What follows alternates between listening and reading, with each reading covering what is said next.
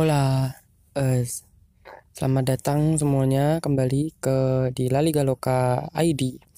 Nah, kita sekarang udah masuk episode 6 ya. Nah, buat pendengar pertama kali, saya informasiin lagi bahwa ini adalah podcast pertama di Indonesia yang khusus membahas sepak bola Spanyol. Selain membahas La Liga, nanti juga akan membahas Segunda, uh, Segunda B, kadang-kadang nggak sering. Terus nanti juga bahas uh, sepak bola wanita di sana terus nanti kalau lagi main timnas Spanyol juga akan kita bahas. Nah di episode 6 ini nah kita nggak perlu bahas La Liga nih. Sekarang saatnya untuk bahas tim-tim di tim B tim-tim di La Liga. Jadi tim-tim B ini tim, tim satelit mungkin kalau ada yang pernah nonton Subasa dulu Subasa waktu datang ke Barcelona Les Catalonia. Dulu dia main nggak langsung di tim senior. Dia ditempatin di tim Barcelona B. Nah jadi di Spanyol ini tim-tim B ini adalah semacam tempat penggodokan gitu. Untuk pemain-pemain yang ya remaja udah lewat masa remaja tapi masuk tim senior juga masih belum uh, belum pantas. Tapi kadang ada juga anak-anak remaja yang masih umur 18-19 yang biasanya di tim juvenil juvenil tapi mereka udah bisa main di tim B. Nah, itu beberapa pengecualian. Itu biasanya tim apa tuh pemain-pemain yang potensinya sangat bagus. Nah kita lihat berbeda dengan di Inggris yang kalau nggak salah di sana itu tim-tim satelitnya atau tim reserve-nya itu ada liga sendiri. Kalau di Spanyol, nah tim-tim B-nya ini bermain di liga biasa gitu. Tapi yang pasti peraturannya adalah mereka tidak bisa bermain di liga eh, di kompetisi yang sama dengan tim senior. Jadi misal gini, uh, Atletico dan Real Madrid dan Barcelona ini kan main di La Liga. Terus uh, tahun kemarin, musim kemarin itu Barcelona B itu ada di Segunda. Nah, sebagus apa pun prestasi Barcelona B ini, dia tidak akan bisa tuh masuk ke La Liga. Dia nggak bakal bisa promosi karena di situ ada Barcelona B. Dan misalnya, nah ini hampir nggak mungkin sih.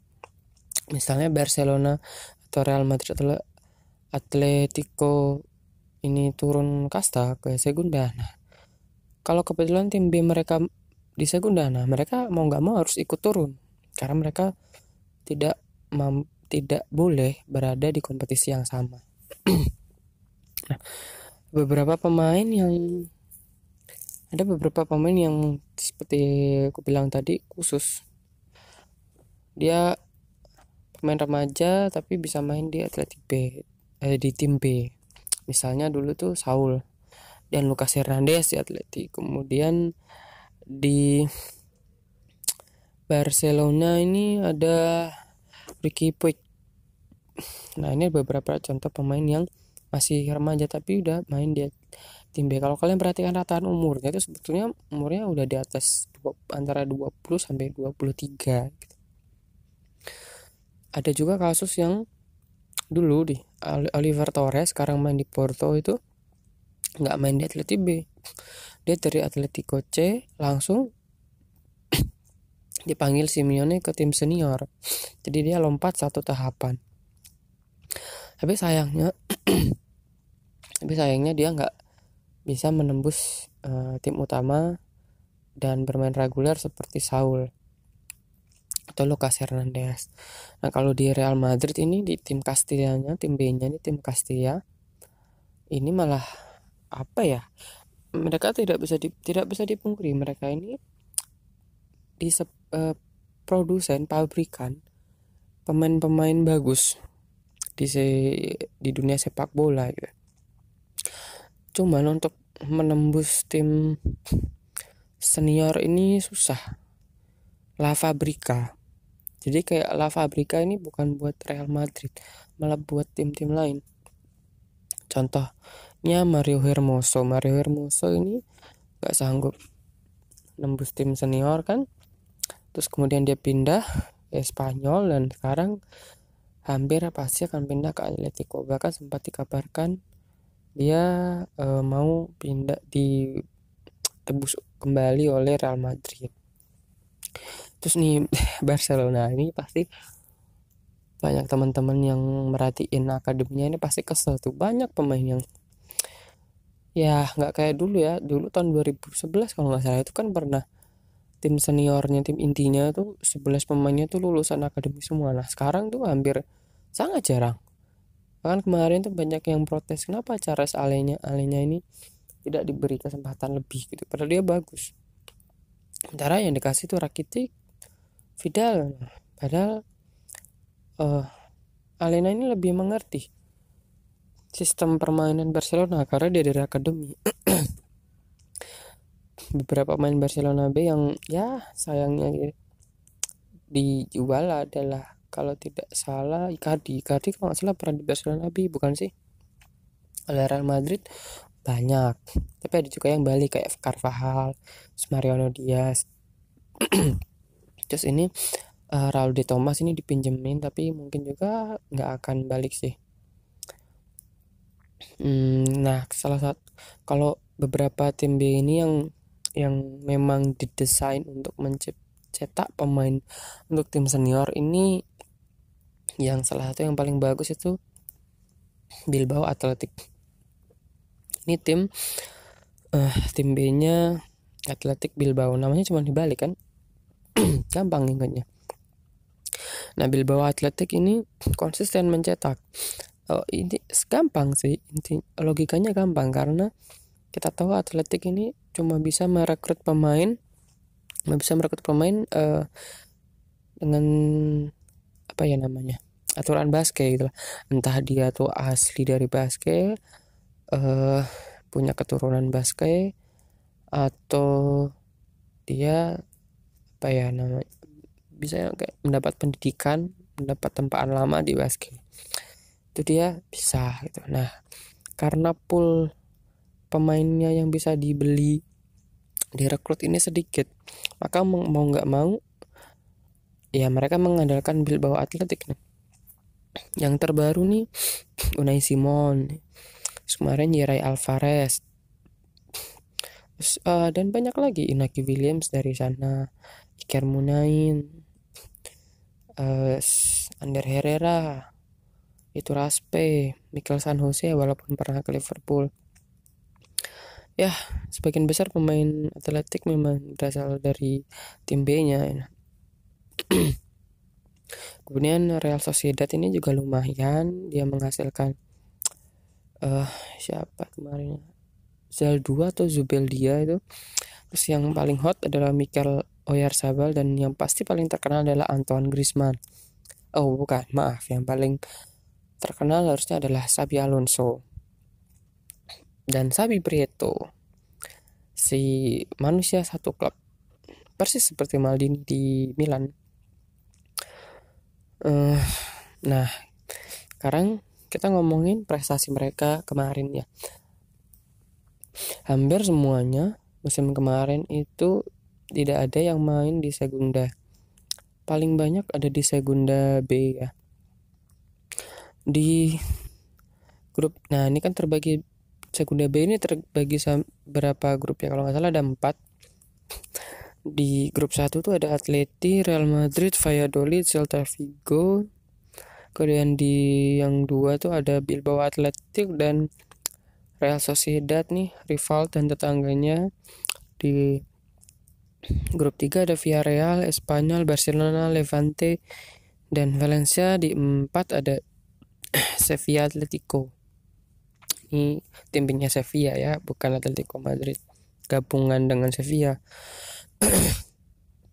nah, prestasinya yang paling bagus secara posisi adalah Villarreal dan Atletico karena mereka finish di peringkat 3. Nah, jadi di sana itu kalau masuk peringkat 1 sampai 4 itu mereka di divisi Segunda B ya, mereka berhak ikut playoff buat lan uh, dapat tiket ke Segunda. Jadi ada 16 tim yang bersaing. Nah, kemudian di bagi sistem gugur. Kalau peringkat hmm, 2 sampai 2 sampai 4 itu mulai dari perempat final kemudian peringkat satu bisa langsung semifinal nah kemarin playoffnya kalau nggak salah itu tidak ada satupun tim B ini tim B klub-klub La Liga ini yang berhasil lolos ke semifinal.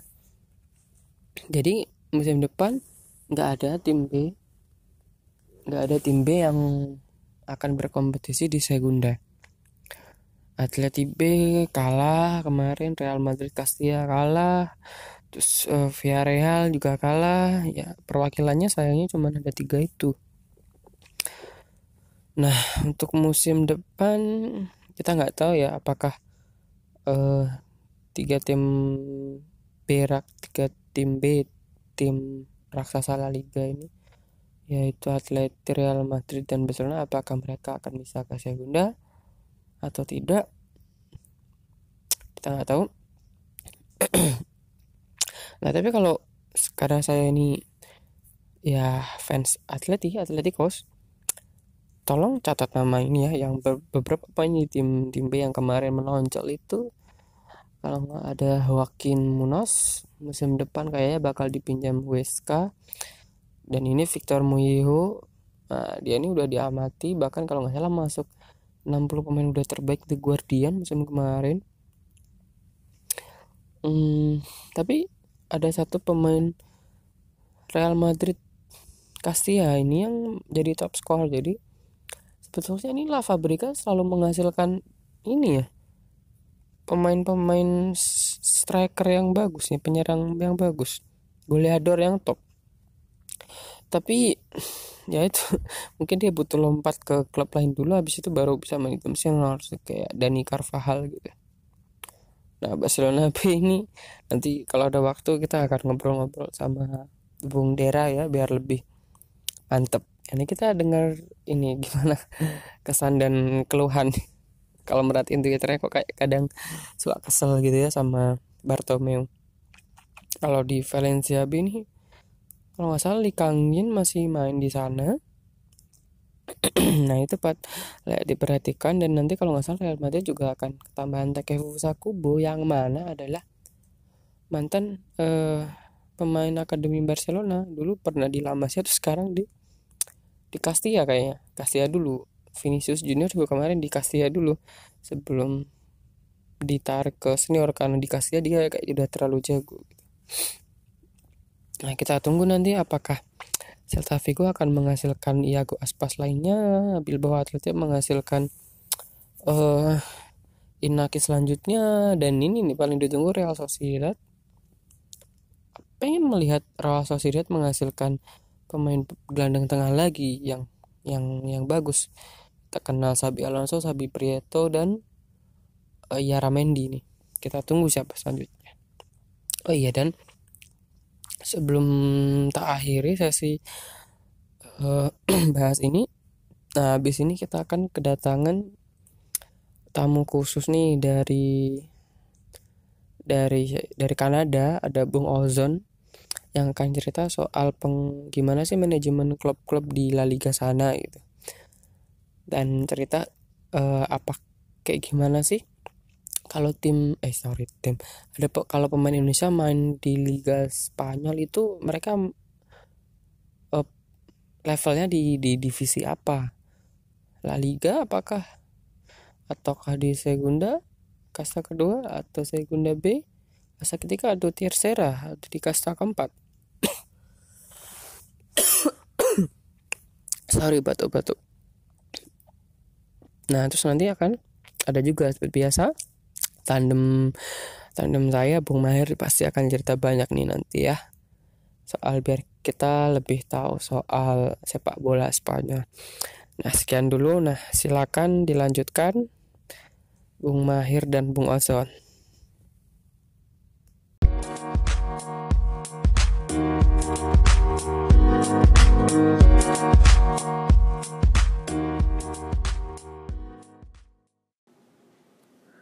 Hola teman-teman, balik lagi bareng Liga Loka. Uh, perkenalkan nama saya Ozon, uh, Morisonjo boleh dipanggil Ozon.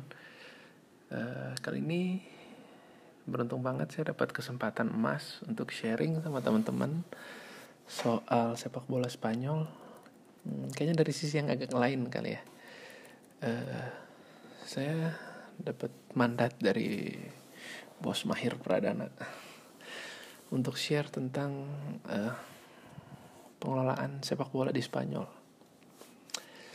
Uh, harapannya melalui podcast La Liga Loka ini teman-teman di Indonesia bisa lebih ngerti kenapa kita bisa ngefans sama klub-klub di La Liga dan kenapa mereka bisa sukses.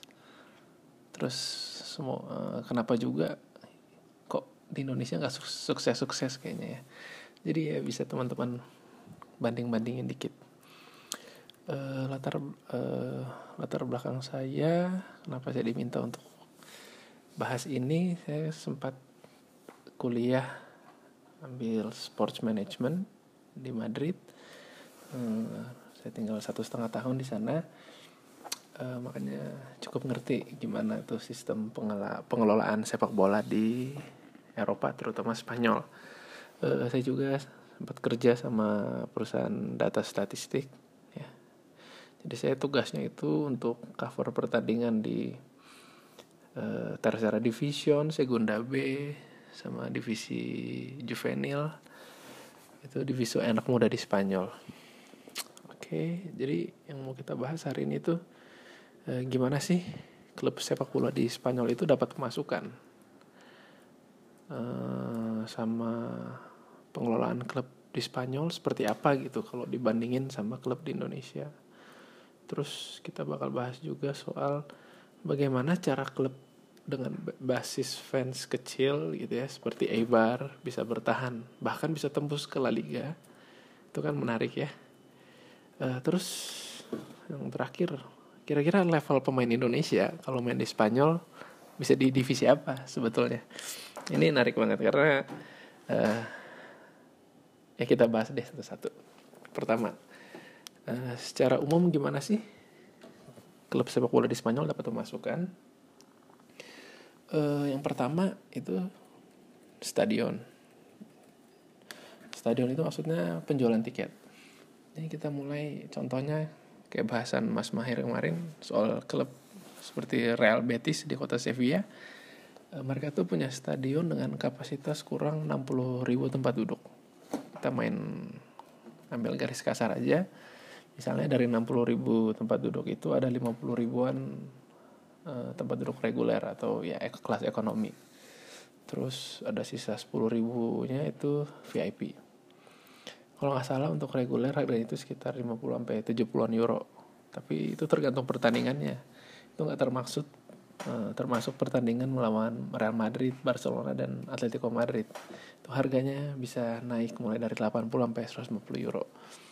Nah, teman-teman tinggal kalikan aja tuh mereka dapat berapa per game.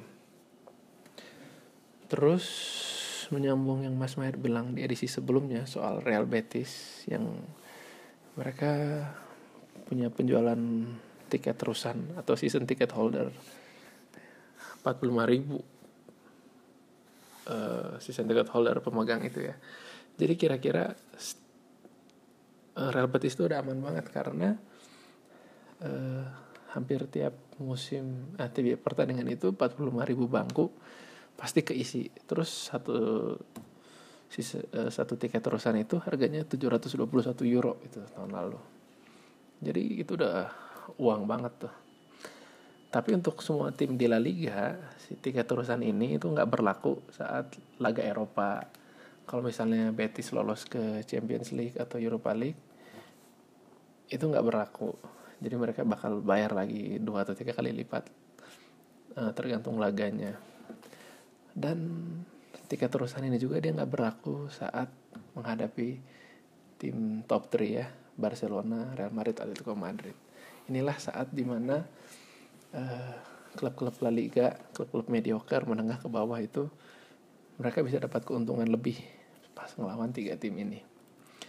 Nah kalau ngomongin klub besar kayak di kayak seperti Madrid, Barcelona, Atletico Madrid, mereka tuh bisa lebih ngedalamin lagi tuh sumber pendapatan mereka dari stadion. Selain ada regular seats, uh, tempat duduk reguler ada juga mereka punya VIP mereka punya VIP box mereka punya royal box ada lounge-nya juga banyak terus ada tour stadionnya juga. Ini semua itu jadi sumber pemasukan klub. Nah jadi selain stadion uh, dari broadcast atau dari TV ini nih yang jadi sumber pendapatan terbesar klub. Contohnya musim lalu itu Real Madrid dapat 148 juta euro dari TV ini tuh angkanya gila gede banget. Walaupun masih kalah jauh sama Premier League. Terus itu tuh hanya dari La Liga hak siar La Liga. Pendapatan TV di Copa del Rey beda lagi. Di Champions League beda lagi. Itu jadi bahkan lebih gede mungkin kalau di Champions League. Aku lupa nah, hitung hitungannya uh, makanya klub-klub besar itu mati-matian pengen main di Champions League karena uh, broadcast right ini hak dari televisi. Lalu selain stadion hmm, broadcast uh, marketing. Contohnya apa ya? Nah, kayak ini kacang Garuda dengan Real Madrid. Nah itu marketing.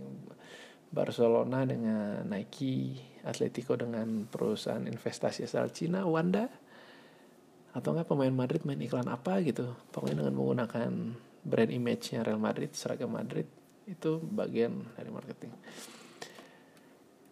Uh, itu simpelnya sih. Terus yang setelah itu revenue competition atau pendapatan dari kompetisi. Kalau soal ini klub bakal dapat masukan dari kompetisi yang mereka ikutin. Contohnya Barca ikut eh mereka ikut La Liga mereka dapat tuh nanti menangnya dapat berapa imbang dapat berapa kalah dapat berapa itu semua dapat. Hmm, Copa del Rey itu juga dapat.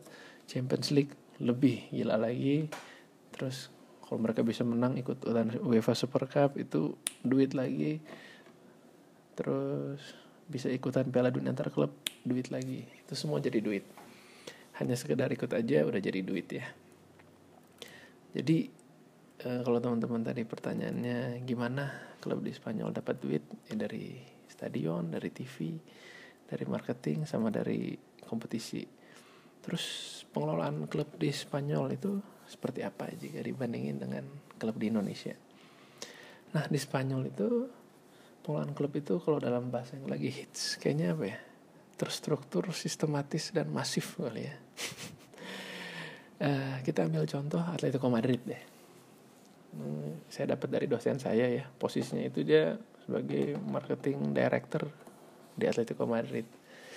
Jadi eh, kasusnya Atletico Madrid punya utang 300 juta euro dan mereka pengen lunasin utang itu di tahun 2020 caranya gimana? Ini kan bagian dari pengelolaan. Kalau itu pengen bayar utang dan mereka juga pengen uh, uh, ada di level kompetisi yang tinggi mereka pengen saing kan sama Madrid dan Barcelona. Jadi gimana caranya? Klub harus beli pemain yang gak terlalu high profile tapi dengan skill mumpuni. Terus sesuai dengan filosofi klub dan pastinya cocok sama gaya main pelatih. Makanya mereka pertahanin Simeone. Karena Simeone dengan pemain yang profilnya awalnya nggak oke oke banget bisa jadi oke.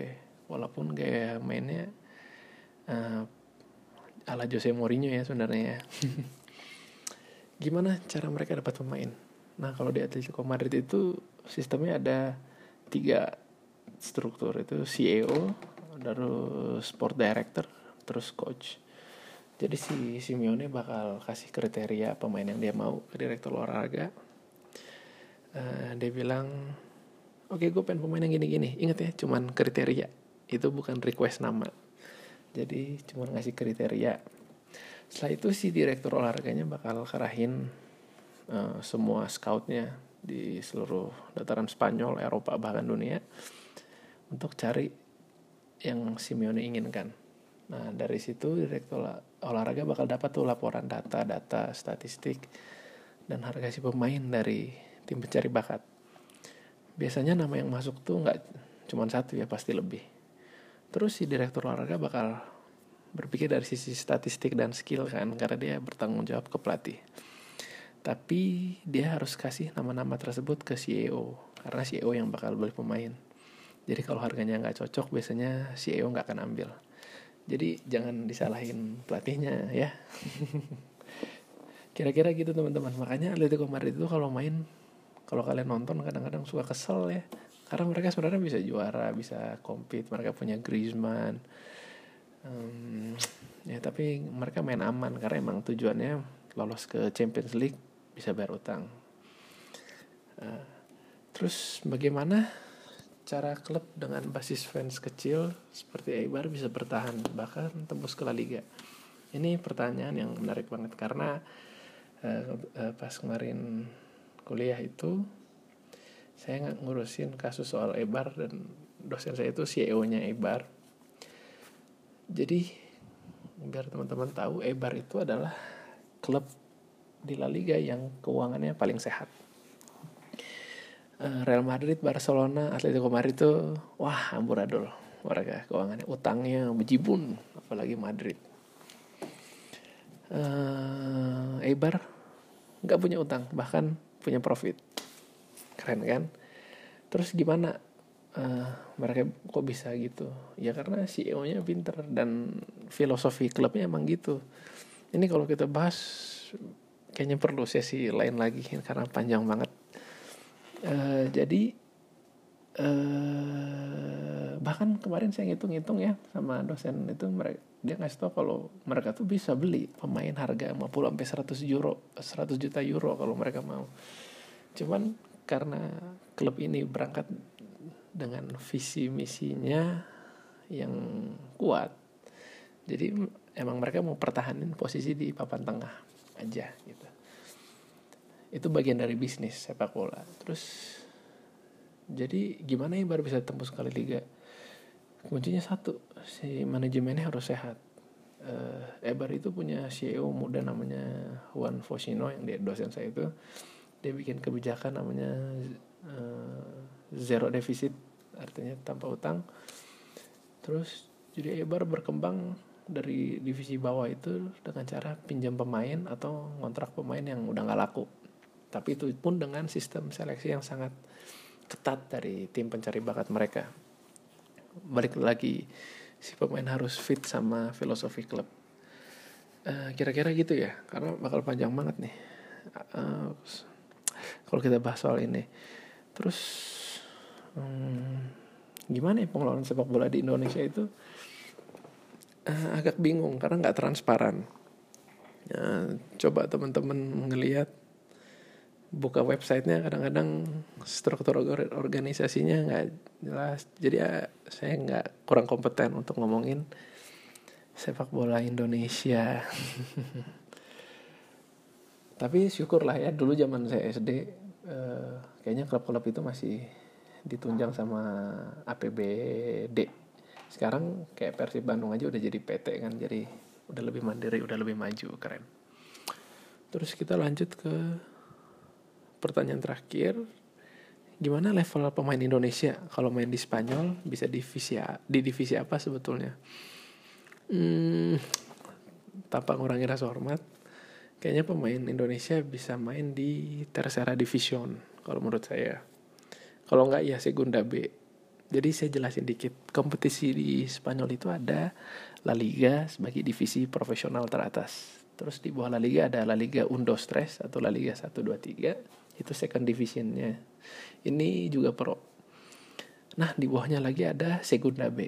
Ini kayak divisi 3 Segunda B ini semi pro tapi kalau teman-teman lihat gitu ya. Kan saya sering cover pertandingan di Segunda B. Itu tuh pemainnya mobilnya udah wah udah gila-gilaan lah. Terus di Segunda B juga kayaknya gajinya minimal 3000 atau 4000 euro gitu. Jadi udah semi pro skillnya juga keren dan yang terakhir itu ter tercera division. Itu divisi 4 itu masuk kategori amatur. Nah tapi jangan salah ya karena waktu itu saya kerja dengan perusahaan statistik itu tugas saya kan cover pertandingan balik lagi ya. Uh, tugas saya itu kebanyakan di tercera sama segunda B. Dan wah kaget banget karena level mereka itu tinggi banget. Kayaknya yang mendekati Liga 1 itu ya hmm, tersera ya karena mainnya cenderung kasar. Terus kalau teman-teman sering baca ada berita gitu ya anak Indonesia misalnya di bawah U16 atau U berapa gitu U16 dikontrak di Spanyol. Itu saya sebenarnya pernah dikirimin berita gitu ya sama Mas Mahir. Terus kita bacanya geli ya. Karena gimana ya di Eropa itu ada peraturan mengontrak pemain di bawah 18 tahun itu ilegal. Dan klub itu bisa kena sanksi dari UEFA. Ini kalau kita bahas peraturan ini bisa panjang. Uh, jadi apa sebenarnya yang pemain pemain muda Indonesia itu lakukan di Spanyol? Kok mereka dibilangnya di kontrak gitu? Jadi yang mereka lakukan itu mereka itu sekolah bola dan mereka bayar mahal untuk itu. Bukan mereka dapat kontrak karena itu ilegal. Uh, ya kira-kira segitu dulu ya. Semoga pemain-pemain Indonesia yang lagi sekolah bola di Spanyol bisa berkembang terus ya bisa oke okay, bisa mentalnya bisa kuat dan bisa balik main di Liga 1 ya. Bawa Indonesia juara apa tuh Piala Asia Tenggara Tiger Cup ya oke okay. ya kira-kira segitu dulu ya udah lebih dari 15 menit nih uh, mungkin kalau dapat kesempatan lagi kita bisa sambung lagi soal topik-topik seperti ini Terima kasih buat para pendengar La Liga Loka. Uh, tetap jadi supporter yang bertanggung jawab. Terima kasih buat La Liga Lokanya juga udah ngasih kesempatan uh, maju terus. Uh, La Liga Loka maju terus support Indonesia. Pantengin terus podcast ini karena ini podcast keren banget bicarain khusus soal La Liga. Oke, okay. ciao, adios. Ya, senang sekali bisa di podcast La Liga Lokal lagi bersama saya Mahir Pradana. Sebelumnya teman-teman saya um, ya Minke atau adminnya atlet atlet tiga lunak sudah mendatangkan beberapa uh, tamu ya untuk membahas hal-hal menarik di La Liga di beberapa episode terakhir. Dan senangnya juga salah satu teman saya yaitu Ozon yang sekarang berdomisili di Kanada sudah memberi kita insight-insight menarik tentang sepak bola Spanyol. Ya berkaitan dengan experience dia sendiri sewaktu bekerja di um, apa namanya seputar bidang olahraga di Spanyol dan studi dia sebagai master di sports management waktu itu. Nah, saya senang banget karena podcast La Liga ternyata sudah um, bisa berkembang meskipun sedikit ya. Jadi tetap didoakan supaya kami meskipun ini sebenarnya project apa sih namanya voluntary gitu ya. Jadi meskipun kami cuman mengisi waktu untuk membahas hal-hal menarik tentang La Liga di podcast La Liga ini tapi semoga saja pendengar makin banyak dan uh, bintang tamu pun makin banyak yang bisa ngasih insight-insight menarik tentang seputar sepak bola Spanyol atau mungkin olahraga Spanyol secara overall gitu.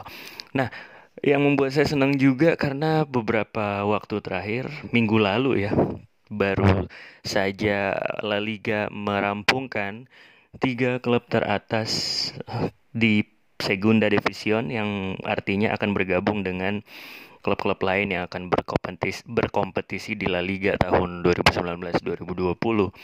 Nah, saya senang banget karena dia satu di antara tiga tim itu ada satu tim yang menurut saya selalu menarik untuk ditunggu yaitu Mallorca.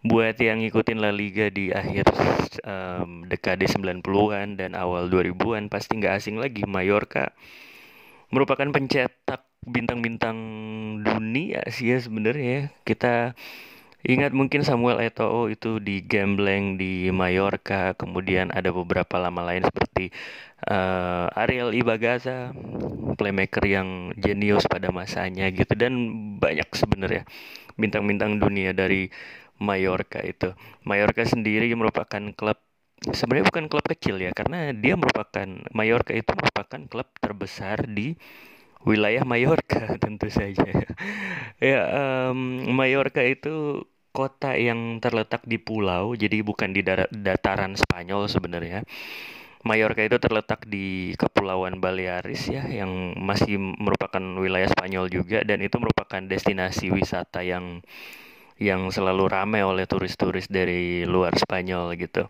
Jadi kalau dibilang kita uh, traveling ke Mallorca wah itu udah uh, udah kayak kita ke Ibiza gitu kan atau uh, kalau dari kalau di Indonesia kita ke Bali atau kita ke Meksiko terus ke Cancun gitu kan.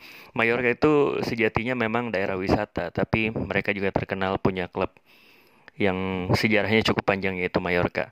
Nah, saya senang banget karena Mallorca menang playoff melawan sebenarnya sih saya pengennya lawannya ini naik juga ke ke La Liga ya yaitu Deportivo La Coruña. Karena Deportivo kita tahu um, Deportivo merupakan klub yang membuat kita semua percaya sama mimpi kalau menurut bahasa saya.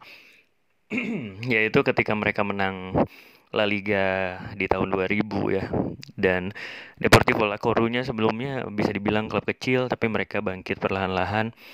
Dan kemudian ya mencetak juga bintang-bintang dunia seperti Diego Tristan kemudian diperkuat uh, bomber Roy Makai, kemudian Mustafa Haji dan segala macam. Tapi sayangnya Mallorca dan Deportivo La Coruña sama-sama dalam satu dekade terakhir sama-sama sering terperangkap di divisi bawah gitu. Nah khusus Mallorca khusus, khusus Mallorca sendiri saya cukup senang karena mereka sempat jatuh ke kasta ketiga sebenarnya yaitu Segunda Division B. Tapi kemudian, nah ini yang menariknya nih dari, dari Mallorca klub mereka tuh sempat hampir bangkrut.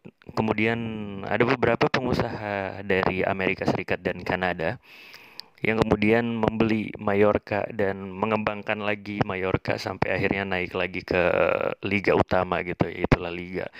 Nah menariknya satu di antara beberapa investor Amerika dan Kanada ini adalah Steve Nash.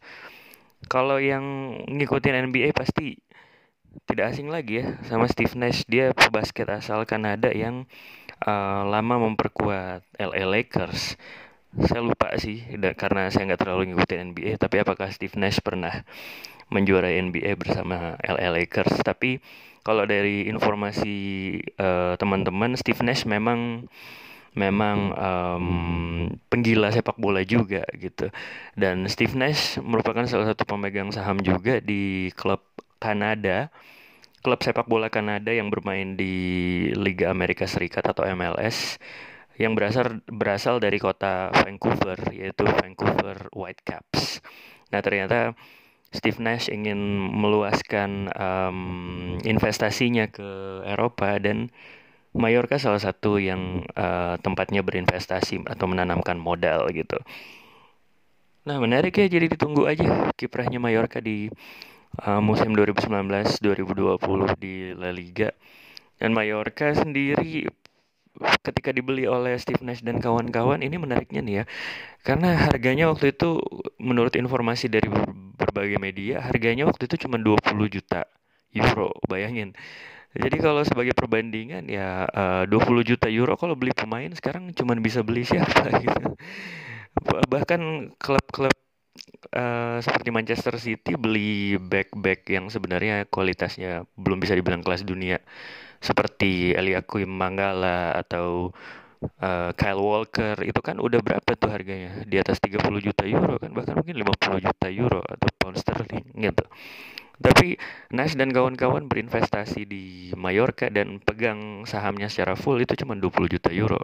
Sebagai perbandingan lain yang apple to apple Ronaldo, Ronaldo bintang Brasil di zaman dulu beli sahamnya Real Valladolid itu kalau nggak salah 35 juta euro di tahun dua tahun lalu. Sedangkan Ronaldo sendiri 35 juta juta euro itu tidak membeli 100% saham dari Valladolid. Kalau nggak salah cuma 65 atau 75%. Sedangkan Nash dan kawan-kawan mereka memegang penuh kepemilikan Mallorca gitu. Cuma 20 juta euro gila. tapi ya di situ mungkin jenisnya Nas dan kawan-kawan dan kita tunggu aja Mallorca di La Liga musim depan uh, Mallorca akan berkompetisi melawan Barcelona, Real Madrid dan lain-lain itu um, bareng dengan dua tim promosi lain dari Segunda Division yaitu Granada dan uh, juara Segunda Division yaitu Osasuna. Saya pribadi sih kurang serak ya karena Granada uh, gimana ya Granada dari dulu tuh uh, bisa dibilang kurang ambisius dan nggak banyak cerita lah dari Granada itu kecuali dia tim mediocre yang susah keluar dari ke mediokeran mereka gitu.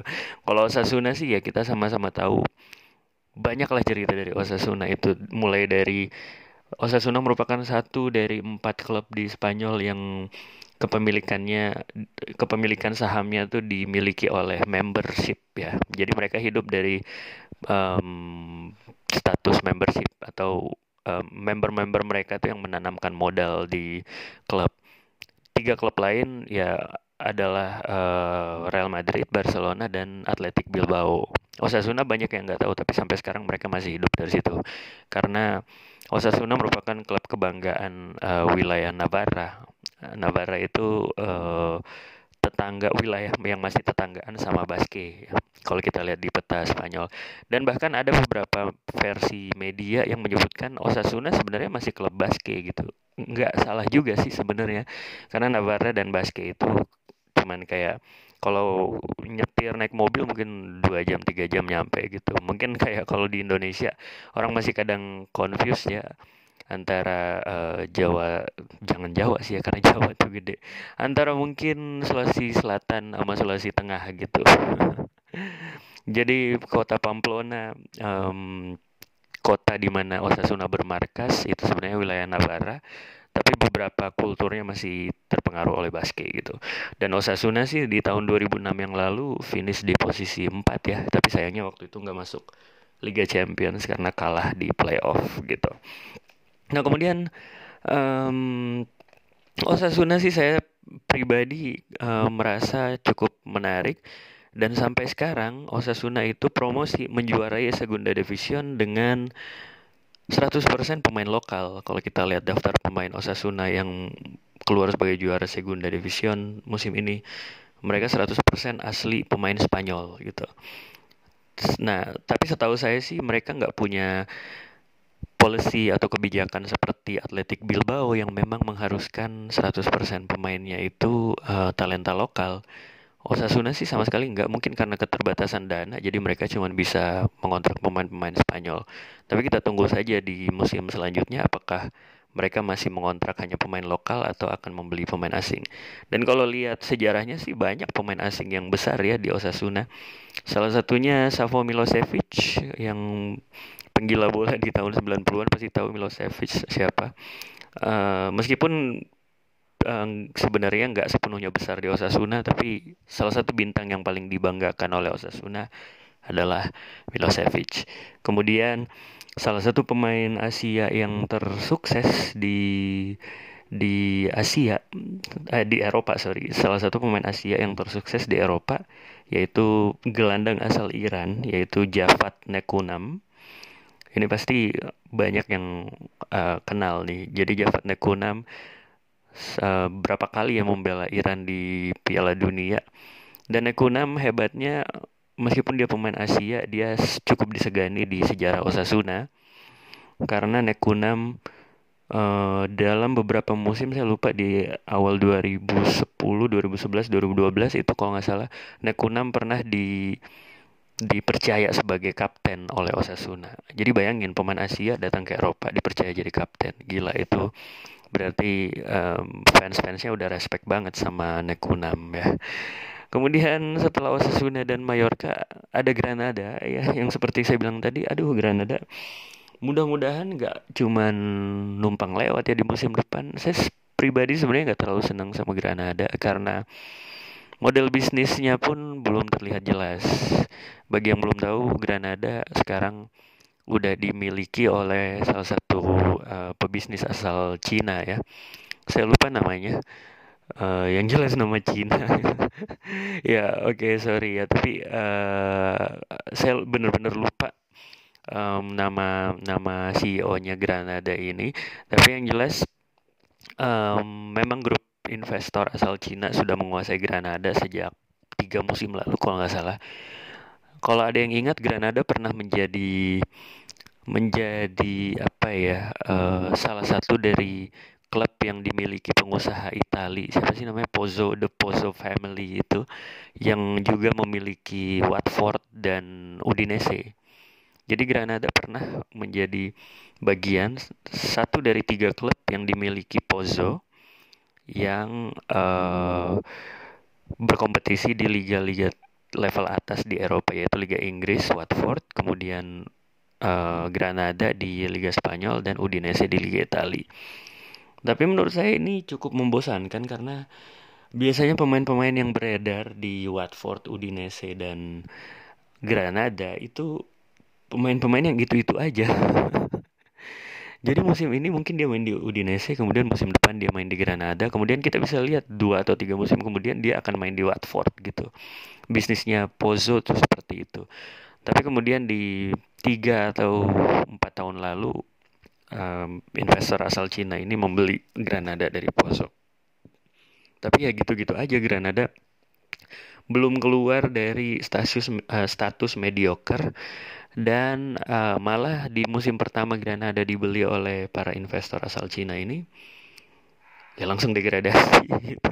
Meskipun udah sempat mengontrak pelatih yang saat itu lagi uh, naik daun ya, yaitu um, ex pelatih Rayo Vallecano yang sempat uh, diprediksi akan menangani Barcelona.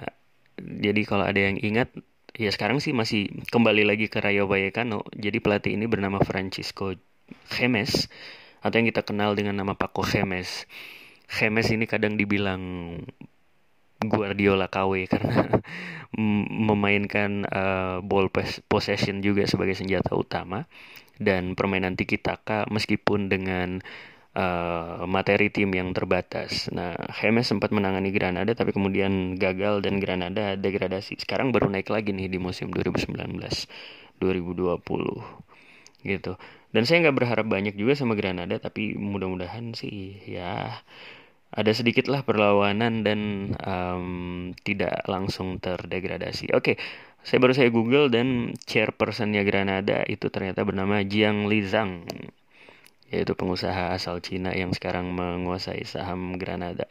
Ternyata kalau kita lihat uh, Granada Jiang, Jiang Lizang sebagai pemiliknya Granada juga memiliki salah satu uh, memiliki sebagian besar saham di salah satu klub NBA yaitu Minnesota Timberwolves. Wih gila, berarti ada dua nih klub yang berafiliasi sama NBA yang akan bermain di La Liga musim depan gitu.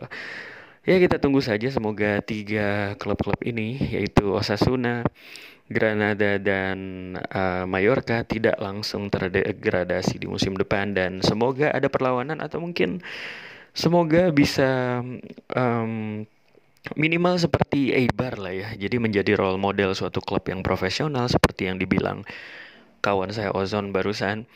Semoga seperti Eibar yang tidak merugi ya merupakan salah satu contoh klub yang manajemennya sangat profesional, sangat bersih, sangat bagus dan ternyata berprofit gitu, menghasilkan profit. Meskipun sebenarnya skalanya klub ini kecil banget gitu dan bahkan dana transfernya nggak sepersepuluhnya dari Real Madrid. Tapi ya mereka at least lepas dari utang benar-benar lepas dari utang gitu Eibar dan juga Leganes. Leganes juga uh, dan uniknya Eibar dan Leganes sama-sama dimiliki oleh presiden wanita gitu.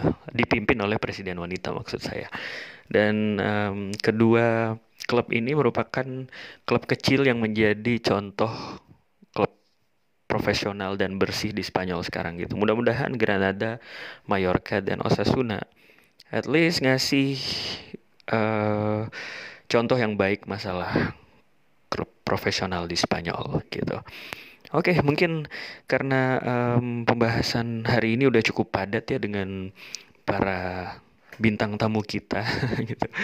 Kita simpan aja um, topik-topik lain. Saya akan saya rencananya akan menyambung lagi topik mengenai stadion tapi mungkin di di di episode-episode mendatang gitu ya. Sekarang ini saya cuma pengen ngebahas tentang klub-klub yang promosi di La Liga 2019-2020. Oke, tetap ikuti podcast kecil kami ini dan mudah-mudahan bisa ngasih wawasan seputar sepak bola Spanyol bagi teman-teman sekalian. Adios.